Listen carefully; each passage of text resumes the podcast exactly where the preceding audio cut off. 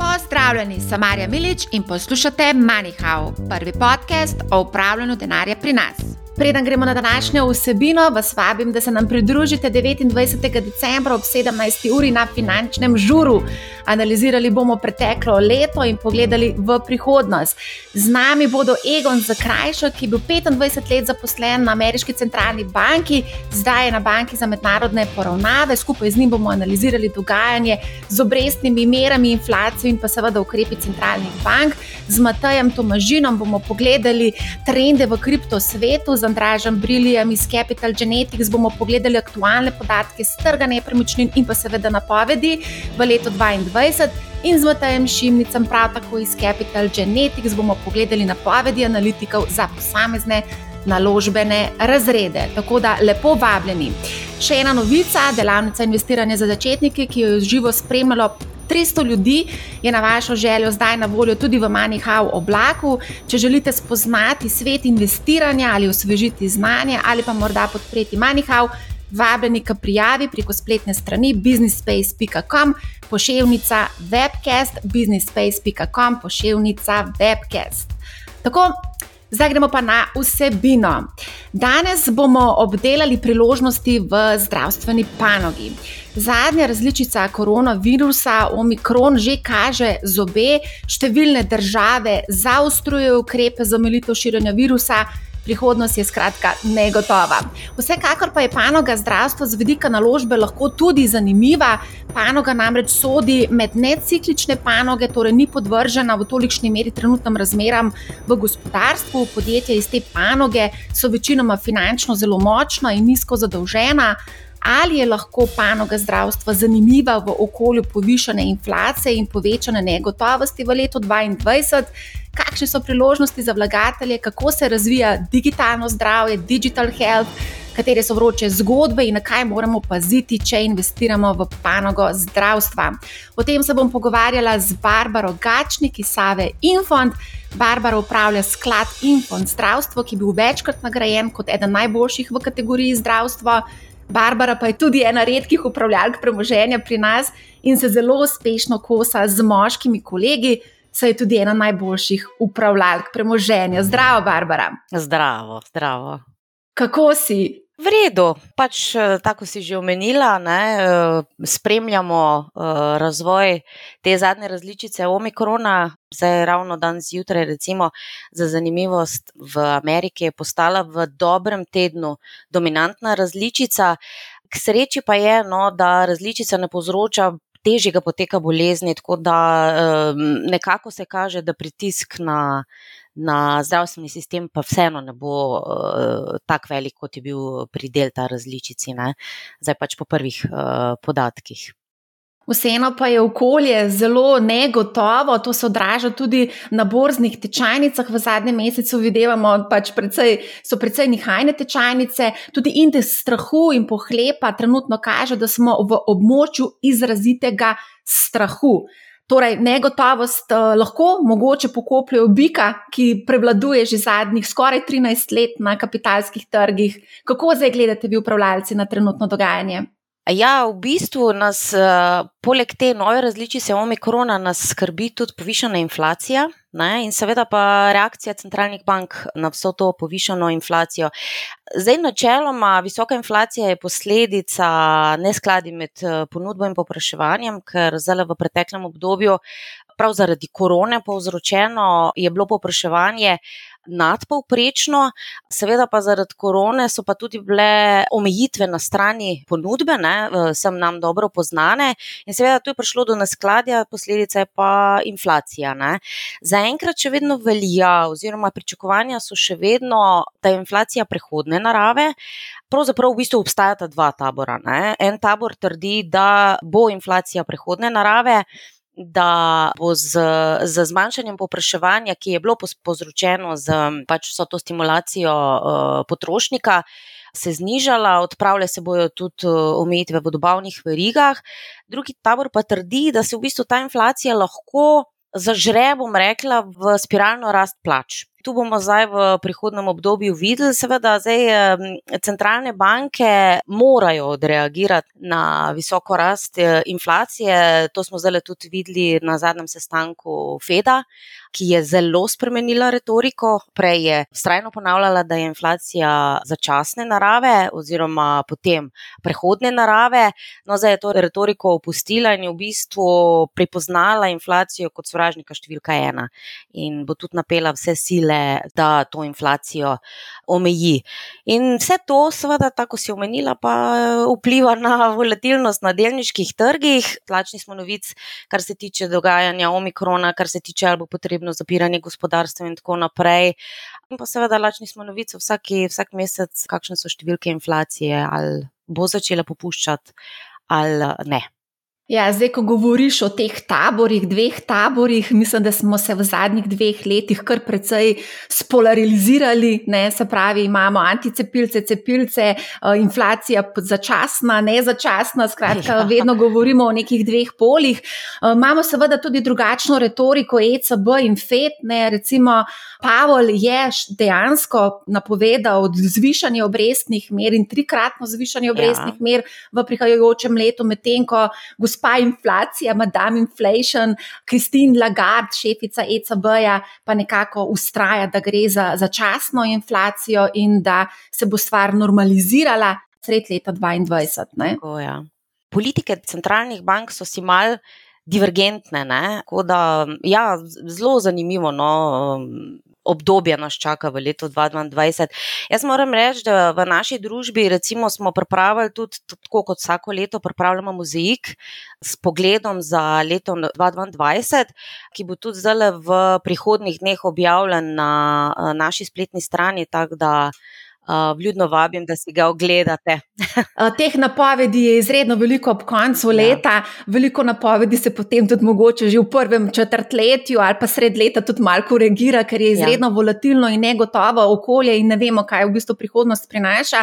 Ravno o tem sem se pred časom pogovarjala tudi z Matajem Šimnicem, ki pravi, da so vse te napovedi pa ne samo Matej Šimnic, tudi drugi ne, analitiki pravijo, da so v bistvu vse te napovedi v bistvu zelo uh, take, no, da v bistvu jih moramo zelo z rezervo jemati. Uh, za vlagatelje je seveda pomembno, ne da gledamo kratkoročno, se pravi v, da samo naslednje leto, ampak pomembno je, da gledamo predvsem dolgoročno, se pravi, da imamo neko dolgoročno strategijo, kajti na borzo ne gremo za eno leto, ampak načeloma investiramo vsaj za pet plus let. Ne. Tako da se mi zdi bolj pomembno, da gledamo neke dolgoročne trende in tudi o tem se bomo danes pogovarjali, sploh kar se tiče zdravstva. Se strinjaš s tem? Ja, drži, absolutno drži. Tako da jaz vse, vse vsem posluš, poslušalce in pa tudi gledalce pozivam k temu, da naj vse malce zadržano jemljajo napovedi 22, ker pač se vidimo, kakšno je okolje. Ne vemo, kaj se bo zgodilo jutri. Ja. Kaj, kaj pa recimo, ko govoriš o teh dveh polih, nekaj pa recimo bik medved, da tudi to je vedno tako zelo zanimiva debata. Ali imamo, ne vem, načeloma so upravljalci premoženja zelo bikovsko razpoloženi, ste tudi vi bikovsko razpoloženi ali nekako vidite v bližnji prihodnosti prihod medveda. Da najprej pojasnimo, odkot napovedi. Ne? Napovedi se vedno delajo na trenutno razpoložljivih podatkih ne? in potem na, na podlagi teh podatkov poskušamo potegniti neka pričakovanja, ki se seveda, takoj ko se razpoložljivi podatki pač spremenijo, realizirajo, lahko spremenijo. Ne? Ampak, recimo, mi za naprej, za leto 2022, še vedno vidimo priložnosti v delnicah. Sicer pričakujemo malenkost nižje donose, ker moramo se zavedati, leto 2021 je bilo, kar se donosov tiče, izjemno uspešno. Tu treba povdariti, da v letu 2021 nismo imeli globje korekcije kot nekih 10%, tako da tudi kakšna korekcija. Nas ne bi smela presenetiti. Zdaj, na podlagi trenutnih ekonomskih podatkov, pa pričakovanj, mi ne pričakujemo nekih globih pacev. Seveda je pa tak, omikron je taka negotovost, da se v bistvu vse lahko spremeni čez noč. Ne? Ker tudi omikron je zdaj le v tem trenutku tako hudo nalezljiv, tako infektiven, da ena okužena oseba okuži nekje od 20 do 30 ljudi. Ne? Zdaj, narava virusa je, čim ima možnost se širiti hitreje, potem ima tudi večjo možnost mutacije. Zdaj, pri mutaciji virusa se spet lahko zgodi, da ostanemo brez orožja, se pravi brez cepiva, ki nam je uspešno orožje eh, v, pri obladovanju te pandemije. Tako da, ja, Pričakovanja so sicer pozitivna, pričakovani donosi bistveno nižji, pričakujemo pa bistveno višjo volatilnost kot v letu 2021. Ja, se strinjam s tem, da donosi ne bodo več taki, kot so bili v zadnjih desetih letih, da se bodo ja. v bistvu znižali. Nihajnost je pa itak prisotna na trgu. Že v bistvu, tudi če pogledamo zadnji mesec, vidimo, da je tudi sam VIX, se pravi indeks strahu, precej poskočil. Tako da vse to se odraža že nekako tudi na borzi. A greva mi dve zdaj kar na panogo zdravstva? Uh mhm. -huh. Itak se več ali manj skozi govori zadnje dve leti samo o zdravju in koronavirusu, ja. in zagotovo so bile tukaj tudi zelo lepe priložnosti, recimo MSC World Health Care je od izbruha koronavirusa dejansko se ukrepil 73 odstotkov kumulativno. Če gledamo v poprečje na leto, je to 37 odstotna rast na leto. Uh mhm. -huh. Kaj se dogaja s panogo zdravja letos in pa seveda, da je še mogoče malo ples ta koronavirus, kako je vplival na panogo? Mm. Zdaj, v bistvu je korona je v bistvu imela, zelo bom rekla, tak različen vpliv. Panoga zdravstva je sestavljena iz več podpanog. Ne? Zdaj imamo originatorje, se pravi farmacijo, ki proizvaja originalna zdravila, imamo biotehnološka zdravila, potem imamo medicinske storitve, medicinsko opremo, življenske znanosti, medicinske tehnologije. No, in korona je v bistvu v teku svojega dogajanja različno vplivala na te podpanoge. Ne? Takrat, ko, recimo, ko so okužbe naraščale, so zelo pridobivali delnice medicinske opreme. Predvsem tiste medicinske opreme, kot so recimo ventilatorji, um, diagnostika, recimo testi. Ne? In v tistem trenutku, ko so okužbe naraščale, so zelo trpele delnice originatorjev, sploh tistih, recimo, ki so zelo odvisni od tega, da se njihova zdravila administrirajo v bolnišnicah. Obisk bolnišnic je bil v bistvu zelo omejen in so zelo trpeli, pa na drugi strani so tudi zelo trpeli te nelektivni medicinski procesi, recimo operacije kolen, operacije kolkov, to so nenujni posegi in te ponudniki te medicinske opreme so utrpeli takrat kar precejšnje pace. Ne? Na drugi strani pa potem, ko je pa, ko je pa val okužb pojenjal, so pa v bistvu te delnice, ki so prej bile zapostavljene, rečemo temu, pa začele pridobivati na vrednosti. Ne? Tako da v bistvu z vsakim valom, naraščajočim valom in popuščanjem smo imeli v bistvu tudi podobno gibanje med posameznimi podpanogami, eh, podpanogami znotraj eh, globalnega zdravstvenega indeksa. Ne? Eh, zdaj, kar se tiče lanskih donosov se je recimo najboljše odrezala pod panoga medicinskih storitev in življenjskih znanosti. Ne. Tu so delnice recimo samo lani porasle za več kot 40%. Ne. Zdaj proti koncu leta, recimo, ko se je začelo tudi umirjanje, so tudi porasle delnice originatorjev, pa medicinska oprema. Ne. Na drugi strani pa recimo so se pa zelo slabo odrezale letos, v primerjavi z letom 2020, delnice zdravstvene tehnologije. Ne?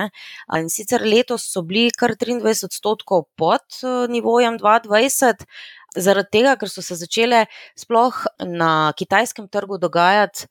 Eh, ene take pomembne regulatorne spremembe. Tam je recimo digitalno zdravje, sploh recimo korona je zelo spodbudila telemedicino. Uh, in oni so sprejeli reforme v smislu, da mora biti vsak prvi obisk pri zdravniku izveden v živo, ne preko uh, platform. In to je bistveno vplivalo na njihov. Poslovni model, še bolj kot pa na poslovni model, pa na pričakovanja. Ker pričakovanja, kar se tiče digitalnega, sploh telehelta, recimo, so bila zelo visoka, In tu je pač prišlo potem do popravka v pričakovanjih in seveda popravka v cenah. Ne. Pandemija je recimo tudi v ospredje zelo postavila novo tehnologijo cepiv. Imeli smo izreden odziv, skupen odziv vlad, ki so pristopile in k skupnem zbiranju podatkov in k menjavi teh podatkov, kar se korone tiče. Zato je bila tudi ta kampanja relativno uspešna, seveda v zahodnem svetu precej bolj, ker so imeli na voljo več, več cepiv kot pa razvijajoči se svet. Ampak tu so recimo porasti stopale, seveda, delnica moderne, delnica Bionteha, ker v bistvu ta MRNA cepiva so za te dve družbi pomenile preboj. Ne. Imamo potem tu še Pfizer, imamo tu še Merk, ki sta tudi v zadnjem obdobju, zdaj eh, dober mesec nazaj, uspela razviti protivirusna zdravila, ki so se tudi izkazala za zelo učinkovita v boju z korono in tudi. Prvi podatki kažejo, da bo ta precej pripomogla uh, v boju tudi z omikronom. Zdaj, na drugi strani, dobro, imamo še druge proizvajalce cepiv, Johnson Johnson, pa AstraZeneca. Ta cepiva imajo pa drugačno tehnologijo in se v bistvu so že po uspešnosti in učinkovitosti sta že eh, pri delti različici. Uh, so bila manj učinkovita, no, potem pa je bilo še pač nekaj zapletov z stranskimi učinki, tako da te delnice, recimo, so pa malce slabše porasle. Tako da tu spet razlika znotraj samih farmacevtov, pa biofarmacije, kako je korona vplivala na njihovo gibanje vrednosti delnice. Zdaj, v bistvu omenjaš konkretne delnice, mogoče tukaj na mestu tudi opozorilo, da gre vsem za eno zelo tako nišno panogo in da je vsem potrebno biti mal poznavalc te panoge. Ne? Pa mi da mogoče razloži, kako ti v bistvu spoznavaš to panogo, kako spoznavaš to terminologijo, eh, ki v bistvu ni tako enostavno razumeti to panogo. No?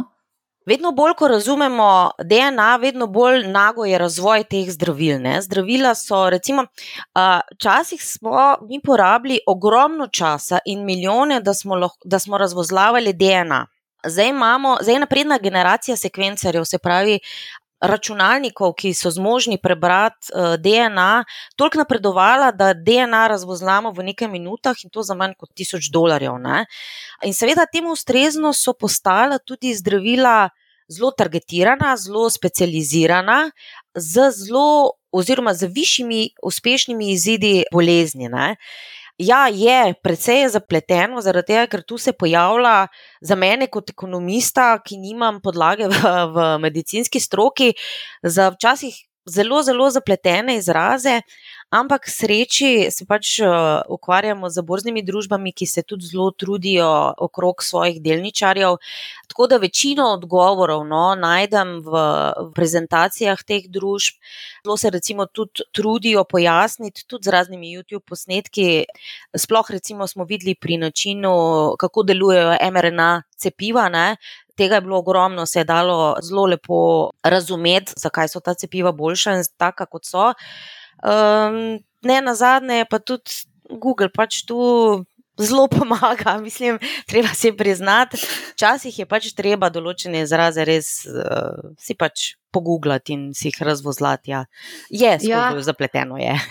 Ja, zdaj, ko meniš Google, ne, mislim, da sem glih danes zjutraj ali včeraj prebrala novico, da tudi Google predvsej investira v health, digital health. Ja. Pa ne samo Google, tudi ja. drugi, v ja. bistvu te giganti, ki so zelo prisotni v tem digital healthu. Mislim, da Google ravno na področju evidenc ali evidentiranja podatkov ali nekih kartonov, nekaj taga. Ne če se prav spomnim. Ja, zdaj zdravstvo in tehnologija sta se zelo zanimivo začela prepletati. Imamo en tak zanimiv preplet panog, zdravstvo in tehnologije, ker pač sodeluje tako, kot si rekla, na, na te digital records, na voice recognition. Recimo, tu bo recimo zelo v spredju, predvsem ta umetna inteligenca. Ne? In tako kot si že omenila, jaz mislim, da ta umetna inteligenca je bo en tak megatrend v zdravstvu, sploh recimo, kar se tiče teh zdravniških uh, evidenc, ko si omenila. Danes, recimo, zdravniki ogromno časa porabijo za to, da uporabijo birokratska dela, rečemo temu, da zapisujejo noter v evidence počutje bolnika in tako naprej. Ne? In to jim vzame ogromno časa. Imamo pa recimo že precej razvito tehnologijo. Voice recognition, ne, ki bi jim zelo olajšala to delo, medtem ko bi se oni pogovarjali z pacijentom, bi lahko umetna inteligenca pač beležila zapiske, ki bi jih potem zdravnik ne bi potreboval delati. Pa recimo še ena prednost umetne inteligence je uh, pri branju recimo vseh teh skenov, uh, kliničnih analiz, um, posnetkov, ki jih naredijo razno razni aparati. Predvsem je uh, umetna inteligenca se pri tem izkazala dosti bolj natančna, dosti bolj učinkovita. Obdela hitreje ogromno količino podatkov, En podatek sem zasledila, da umetna inteligenca lahko prebere recimo, te rezultate preiskav 150 krat hitreje, kot pa izučen radiolog, recimo, pa delajo lahko 24 ur na dan. Ne? In to je vse pomembno. To je pomembno za boljšo diagnozo, za boljše zdravljenje, za boljši izid bolezni in pa na koncu za niže stroške. Ne?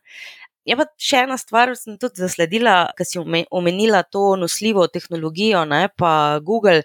Google je na začetku letošnjega leta kupil Fitbit. Fitbit mi vsi poznamo po teh nosljivih urah, ne, in tu bo se razvijala ta uh, industrija nosljivih naprav, bo šla še se mi zdi še naprej, še globje, eh, zdaj merimo eh, od pritiska do srčnega utripa, do kisika v krvi in tako naprej. Ne? In ti podatki lahko pomembno prispevajo, recimo, k preprečevanju bolezni. En tak virtualen coach nam v bistvu lahko te napravice postajajo. Ne? S tem, da tu se pa razvija še vrsto drugih naprav. Imamo od pametnih slušnih aparatov, ki recimo lahko zelo uspešno uh, selektirajo zvoke, ki prihajajo iz uh, okolja, kar je za nekoga, ki pač ima slab sluh, oziroma ki sploh ne sliši, zelo moteče. Ne? Uh, tako da, pa, recimo, pametna očala, pa imamo razne bioobliže, senzorje. Nanotehnologija, recimo, nam je omogočila, da v bistvu, da ne samo, da imamo senzorje, recimo, zunaj telesa, ampak lahko senzorje tudi vnesemo v telo in nam znotraj dajo neke podatke. Tako da ta nanotehnologija, umetna inteligenca, tu imamo priložnosti, da več soka, rečemo, iztisnemo tudi iz podatkov, ki jih eh, lahko danes pridobivamo. Ne. Zdaj, ko govoriš o tej nosljivi tehnologiji, wearables. Uh, sem se spomnila, pa to je bilo že kar nekaj časa nazaj, mogoče ne par let, da je celo Warren Buffett investiral v eno podjetje, ki proizvaja wearables. Bi znalo biti, da je to mogoče družba Dexcom. Oni so bili prvi, ki so naredili podkožni senzor glukoze. Ta senzor glukoze je v bistvu sladkornim bolnikom blazno olajšal življenje. Ne rabijo si meriti non-stop sladkorja, kar je za enega sladkornega bolnika zelo obremenjujoče. Ne? In so imeli tudi nivo sladkorja zelo, zelo pod uh, kontrolo. No? Lahko bi bilo kaj takega. No? Uh, mogoče ne spomnim ja, se zdaj. Jaz, jaz ne. Se pa omenjala tudi radiologijo, mogoče samo to za info. Moja sestra je zdravnica radiologinja, ona Aha. je zaposlena na onkološkem uh, inštitutu. V glavnem, ko omenjava tudi mogoče teleradiologijo, jaz sem pred leti, mislim, da je ne, pa vem, mogoče celo deset let nazaj pisala prvič o teleradiologiji in zdaj dejansko je teleradiologija dobila ta res neverjetni razmah, ker ti v bistvu lahko pošljaš dokumentacijo nekomu na drugem koncu sveta in relativno hitro dobiš tudi ja. samo diagnozo. In vse se da v bistvu bistveno bolj pospešiti, Sam, v bistvu od samega posega pa do v bistvu diagnoze, hitreje prideš lahko do diagnoze in potem seveda tudi zdraviš. Ne? Se ravno tu, recimo, je ta preplet tehnologije pa zdravstva. Ne? Mi bomo še vedno potrebovali zdravnike, ne? ampak tako si rekla, ta hitrost prenosa podatkov, obdelave podatkov, ker mi, jaz sem zasledila v ekonomistu, da mi. Generiramo ogromno podatkov v zdravstvu, za samo analizo jih pa tam nekje 5% uporabimo. Ne? Se pravi, mi imamo še velik potencial, da lahko izide izboljšamo, da lahko pospešimo zdravljenje. Mogoče tudi ne samo, da, da govoriva o zdravljenju, mi lahko preprečujemo bolezni, kar je izjemnega pomena. Ne? A greva mogoče, zdaj, ko govoriš o preprečevanju bolezni, da se dotaknemo, nimamo samo epidemije koronavirusa, ja. ampak imamo cel kup epidemij sodobnega um, časa, recimo temu, ko govorimo o epidemiji debelosti in povezane bolezni, vezano na to, se pravi, umenjali se že diabetes, je še cel kup drugih uh, zadev, potem imamo rakava obolenja, so tudi ne ena taka epidemija sodobnega časa kako, kaj se tukaj dogaja, kje so tukaj recimo priložnosti za vlagatelje, ker vsi vemo, da se populacija stara in več bolezni bo prišlo tudi zaradi uh, starejše populacije. Ja, v bistvu po Svetovni zdravstveni organizaciji so po smrtnosti ne, še vedno top tri bolezni, kardiovaskularne bolezni, kap. Pa kronične pljučne bolezni.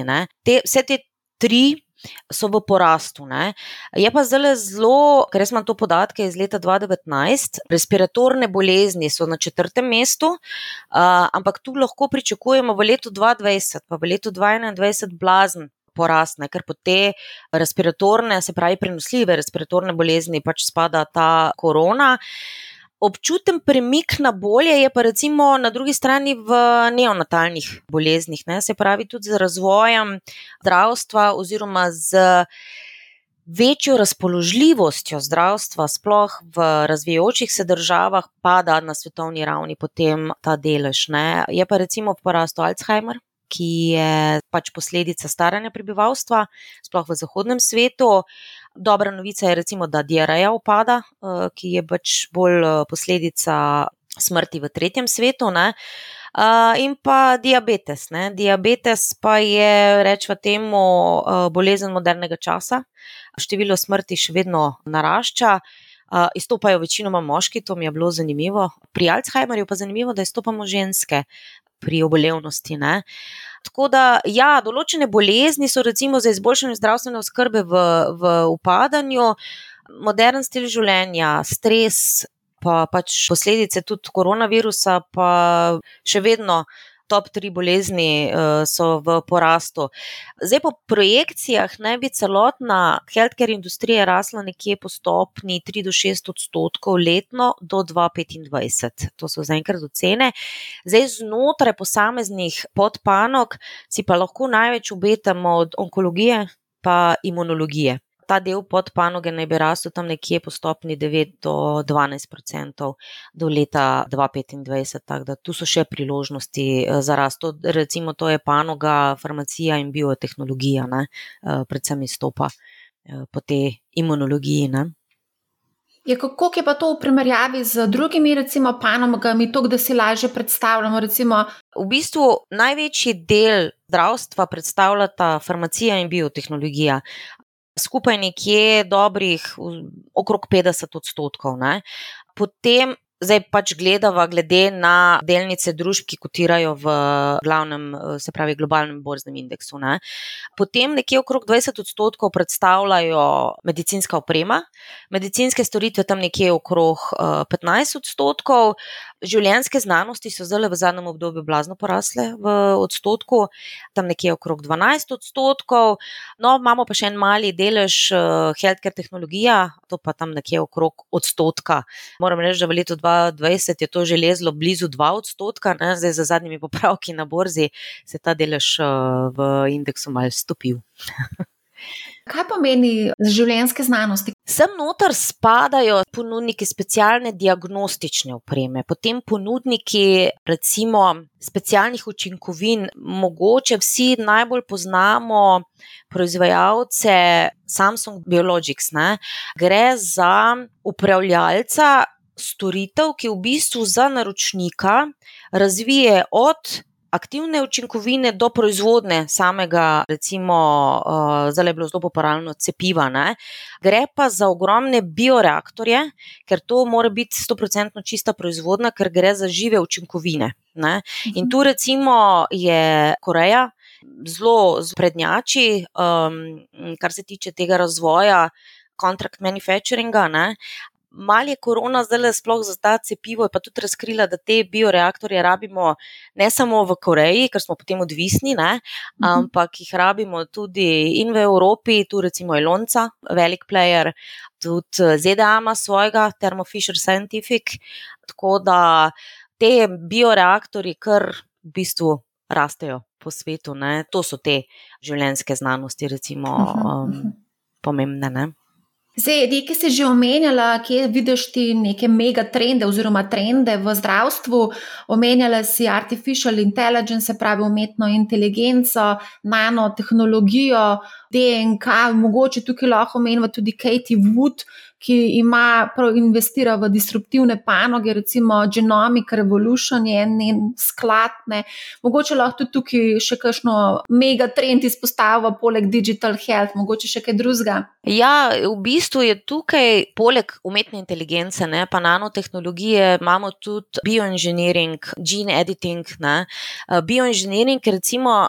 zaradi tega, ker se naša življenjska doba podaljšuje, pa ker z staranjem slabijo naši organi. Ne? Oni se trudijo, da bi recimo lahko nam izboljšali kvaliteto življenja s tem, da bi umetno ustvarili. Zdaj se malo čuden sliši, nadomestne organe. Ne? Mi bi lahko, recimo, zaradi tega dlje, pa bolj kvalitetno živeli. Recimo, človeka, ki ga zadane kap, njemu dejansko del srca odmre za brazgotini. Ne?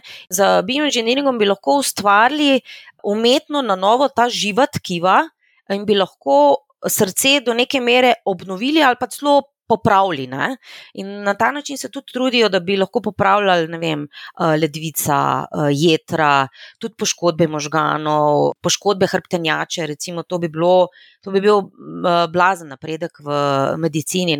Zdaj, to je še v zelo zgodnih fazah razvoja. Ne? Do tja imamo. Še najmanj 50 let, ne, da se razumemo. Ne. Pa recimo pol gene editing, ne, CRISPR tehnologija, to smo tudi vsi uh, slišali. Ne. CRISPR tehnologija nam omogoča, da zdaj, ko, ko dobro poznamo DNA, da ugotovimo, kje ima ta DNA napake. In s to CRISPR tehnologijo mi lahko ta napačen del, če lahko karikiram, izrežemo ga popravimo in na novo ustavimo. Ne? In tu gre, recimo, bi lahko bilo uh, na dolgi rok, bi se lahko določene bolezni ali zelo znižale, ali pa celo izkorenile. In tu, recimo, ta ark. Genomic Revolution, ne, Katie Wood, vidi velik potencial, je pa res, da tu treba pa upozoriti. Gre za delnice, so, oziroma podjetja, ki so v zgodnih razvojnih fazah. Za velik podjetij velja tudi, da so privatna podjetja in tu gre za zelo špekulativne nakupe. Marsikaj gre lahko na robe. Vrednotenja so zaradi tega, ker je potencial tako velik, so pričakovanja velika in so tudi vrednotenja visoka. In tu, tu so popravki lahko hitri, ostri in boleči. Ja, res je. A greva kar ostati še malo pri teh specifičnih naložbah, ki jih zdaj omenjava, greva se dotakniti še malo marihuane. O tem se je zelo, zelo veliko govoril. Kakšne so priložnosti in kakšne so omejitve za male vlagatelje pri investiranju v marihuano? Kar se omejitev tiče za investiranje, pač omejeni so na podjetja, ki kotirajo na borzi. Medicinske kanabis se zelo uporablja pri zdravljenju Alzheimerja, pri nekaterih oblikah uh, raka zelo, zelo pomaga, recimo pri slabosti, pri bolečinah, s katerim se zelo soočajo bolniki raka. Ko imajo te pač kemoterapije, in tako naprej, ne.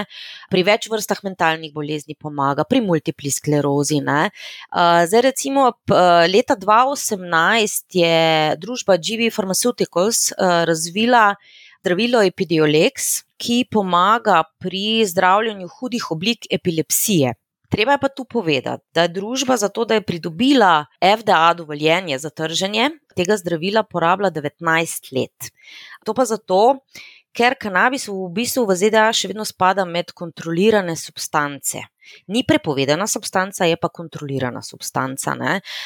Zdaj le sicer se pripravljajo no, nove spremembe, da bi legalizirali marihuano ne, oziroma kanabis kot substanco, ampak do tja je še najmanj leto dni. Ne. Je pa recimo zanimiva izkušnja iz Kanade. Kanada pa ima legalizirano marihuano oziroma ta kanabis. V letu 2021 so prihodki znašali 4 milijarde, v primerjavi z 2020 to pomeni skoraj. Več kot 50% uh, več. Uh, liderja sta tu, recimo Canopy Growth, pa Tilray, uh, GV Pharmaceuticals je prevzeta družba, tako da te se več ne da uh, kupiti. Je pa recimo prevzel jo je pa Jazz, farmaceutikal. Tako da ta del kanabisa se, je zdaj del njihovega pipelina. Zanimivo pa je, da medicinski kanabis, o katerem pač mi dve, ko govorimo o zdravstvu, se pogovarjava, ne, eh, predstavlja nekje okrog 10% teh prihodkov v Kanadi. Ne. Ocenjuje se tudi, da bodo te prihodki od eh, kanabisa nasploh porasli nekje na dobrih 7 milijard eh, do leta 2023, se pravi, kar eksponentna rast ampak bolj na račun ne medicinske porabe. Tako da uh, medicinska poraba znotraj, zaradi teh omejitev pridobivanja dovoljen, um, se, se ji pač delež malo topi. Ne? Mhm, zanimivo. Ja. Um, je pa še en segment, ki je sploh v recimo, zadnjem letu, dveh, dobo en tak zagon, to so psihadeliki. Um, moram priznati, da mi je, mislim, da ravno včeraj en kolega razlagal, ki je investiral v psihadelike, je gledal trg in rekel: trg gre dol, moji psihadeliki gredo pa gor. Ampak mogoče spremljaš psihadelike? Um, v bistvu ne čisto toliko natančno, ker gre še za eno fulovsko področje. Ne? Zdaj, v bistvu, spet gre za, bom rekla, razvijanje nekih terapevtskih terapij, eh, zdravil, eh, pripomočkov na osnovi substanc psilocibin, ki se pridobiva iz gob, določenih gob, nam bolj znanih kot, kot nore gobe. Ne? In zdaj, predpostavljam, zdaj industrije res ne poznam uh, toliko natančno, ampak predpostavljam, da, bo, da bojo te uh, družbe, ki razvijajo ta zdravila, naletela na podobne težave kot pri kanabisu. Se pravi, zelo dolgotrajno pridobivanje dovoljen za, za tržanje. Ker tudi eno stvar je tudi treba tu poudariti. Imamo tudi dva pola, spet ne, smo pri polih zdravnikov. Ne. Eni zdravniki, recimo, bom rekla, alternativne metode zdravljenja, od marihuane, pa mogoče tudi, uh, zdaj ne vem njimi poznano, teh uh, psihotikov, ne, zelo so naklonjeni in uh, tudi uh, spodbujajo, recimo, svoje pacijente. K dodatku, ne, ne kot osnovi, medtem ko drugi pol zdravnikov pa pravi, da je premalo raziskav, kar se tiče koristi, kar se tiče tveganj. Tako da jaz mislim, da je nakup teh delnic zelo visoko špekulativen uh, in je res mogoče za en manjši zelo mali del portfelja, ali pa za res ljudi, ki to visoko tveganje sprejemajo. Pa za take, ki želijo mogoče področje malo bolj poglobljeno raziskati, ne kar vsem. Ja. Vseeno moraš kar si čas vzeti, pa preštudirati. Ja. Ne, gre za specifično, zelo, zelo nišno, kot si rekla, ne, kategorijo. Uh, Mislim, da smo več ali manj povedali vse o teh specifičnih zadevah, ki so zadnje čase se veliko menjale v tujih medijih, marihuana, psihadeliki, genski inženiring. To smo v bistvu vse obdelali. Mogoče bi eh, se tukaj dotaknili zdaj malo bolj eh, generičnih zadev, ona se pravi našega generika krke. Mm -hmm. Farmacevta, kako ti gledaš na krko, spremljaš krko, konec koncev ima krka tudi največje število malih delničarjev od slovenskih borznih družb. Krka je v bistvu zdaj v, po zadnjih podatkih, januar do september, so ustvarili dobro milijardo sto prihodkov in so v bistvu zabeležili najboljše devetmesečne rezultate v svoji zgodovini. Ne. Moramo vedeti, da Krka je lani imela tudi uh, zelo visok porast prodaje in z letošnjimi devetmesečnimi rezultati je bila še boljša uh, kot v enakem obdobju. Lani uh, in pa kar pred 8 odstotkov više prihodke ima, kot jih je pa imela v uh, devetmesečnem obdobju 2019. Uh, tudi čisti dobiček je porasel za 14 odstotkov, marže so relativno visoke, v bistvu so na zelo dobri poti, da dosežejo plan za leto 2021. Za 2022 načrtujejo prihodke v višini 1,6 milijarde, dobiček pa nekje na ravni let 2021, se pravi okrog 300 milijonov uh, evrov. Ne. Njihov strateški plan je, da povečujejo količinsko oziroma vrednostno prodajo po 5% v poprečju na leto. Za njih je značilno, da so vertikalno integriran proizvajalec, približno nekje 10% investirajo v raziskave in razvoj, nekje 110 milijonov bojo namenjali tudi za druge naložbe, tako da v bistvu zelo uh, pospešeno um, investirajo v svoj razvoj. Je pa, recimo, po mojem mnenju, za malega vlagatelja zanimiva njihova dividendna politika. Oni namenjajo 50% svojega dobička za izplačilo dividend, zato imajo tudi zelo privlačen dividend yield, se pravi, dividendni donos, ki je mislim, da nekaj čez 4 odstotke, kar je v primerjavi z današnjimi nizkimi obrestnimi merami eh, zelo, zelo privlačen eh, yield. In jaz mislim, da je to tisto, kar delničarje krke privlači, poleg seveda eh, vrednoten, ki so v primerjavi z ostalimi kar ugodna. Zanimivo. Evo, vse v Krki in pa drugih slovenskih delnicah smo že kar tudi precej govorili, tudi v enem prejšnjem podkastu, ker smo obdelali slovenski trg. Bomo pa zagotovo slovenski trg še obdelali, kot rečeno, si tudi sama omenila, da je dividendna donosnost izredno privlačna, predvsem, če govorimo o slovenskih delnicah, ne samo Krke, tudi druge delnice so z tega vidika zanimive. Eh, zdaj, nekateri analitiki napovedujejo, da bo panoga zdravstva zanimiva v letu 2022 za investiranje. Katere panoge še vidite kot recimo zanimive, poleg zdravstva? Poleg zdravstva, zdaj v bistvu, eh, kot sem že rekla, ne, mi pričakujemo nižje donose, kot so bili v letu 2021, predvsem zaradi situacije, ki se dogaja. Mogoče bolj dajemo, zelo eh, ameriški trgi so v preteklem letu precej porasli, tako da dajemo bolj prednost recimo trgom zunaj ZDA, dajemo prednost velju delnicam, dajemo prednost ciklikom. Kar se tiče emerging trgov, se pravi razvijajočih trgov, tu bo pa negotovost verjetno še nekaj časa povečana. Ne? Tu bo volatilnost verjetno na precej visoki ravni. Ne? Trgi izven ZDA, kaj to pomeni? Evropa? Evropa, ja, ker v bistvu, čistko, če pogledamo ta value sektor, pa ciklični sektor je v evropskih eh, delniških indeksih bolje zastopan. Uh, kot pa v recimo indeksih v ZDA. Ne. ZDA imajo velik, močen poudarek na tehnologiji. Ne. S tem, da je tudi treba tu pa eno stvar poudariti, da to zdaj ne pomeni, da je pa treba delež tehnologije absolutno zmanjšati. Ne. Ker tudi, če čist pogledamo ta velika tehnološka podjetja, imajo zelo dobre, solidne rezultate in tudi vidimo, da zdaj z ponovnim naraščanjem okužb. Ne, Še vedno delamo od doma, eh, še vedno pač poprašujemo po teh tehnoloških produktih, ki nam jih pač prav ta sektor nudi. Tako da sektorja tehnologije ne smemo zanemariti. No. Vse se tehnologija zažira tudi v druge panoge, v finance, v ja. zdravstvo, ja. praktično ja. povsod. Mogoče bi še eno zadevo obdelali, ki je ravno omenjava, oziroma nismo v bistvu omenjali, ampak bi bilo mogoče zanimivo, da omenjava ESG in healthcare. Kakšna je tukaj korelacija, kako je ESG implementiran v ali lahko healthcare sledi ESG smernicam? Ja, v bistvu je ta ESG nas v bistvu sploh v Evropi, ne, nas uh, praktično vsa podjetja sili k nekemu odgovornemu obnašanju. Panoga zdravstva je že sama po sebi zelo, bom rekla, odgovorno naravnana, ne. zdaj čist, čist natančno vpliv teh zahtev v tem trenutku je težko oceniti. Mislim pa, da mogoče, da bo zdravstvo imelo na tem področju, v primerjavi z ostalimi panogami, mogoče malo manj težav kot pa ostale panoge, ki se pač morajo čist na novo prilagajati. Sama narava zdravstva je že bolj govorno naravnana. Ne? Mogoče se kakšen ne bi strinjal s tabo. Ja. A veš, kakšne so teorije zarote? Dobro, teorije zarote, teorije zarote vedno obstajajo. Um, ja, zdaj upam, upam, uh, pač tega um, gostilniškega debatiranja je dosti ne, okrog teh zarotah. Ne.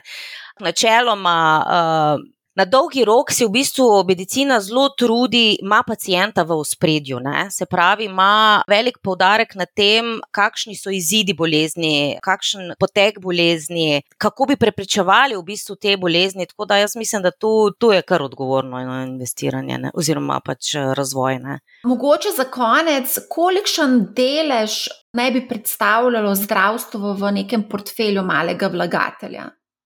Zdaj, v bistvu, kot si že na začetku omenila, ne, zdravstvo spada med te defenzivne panoge. Ne, se pravi, med panoge, ki se odnesejo bistveno bolje, če pride do nekih korekcij, popravkov na trgu.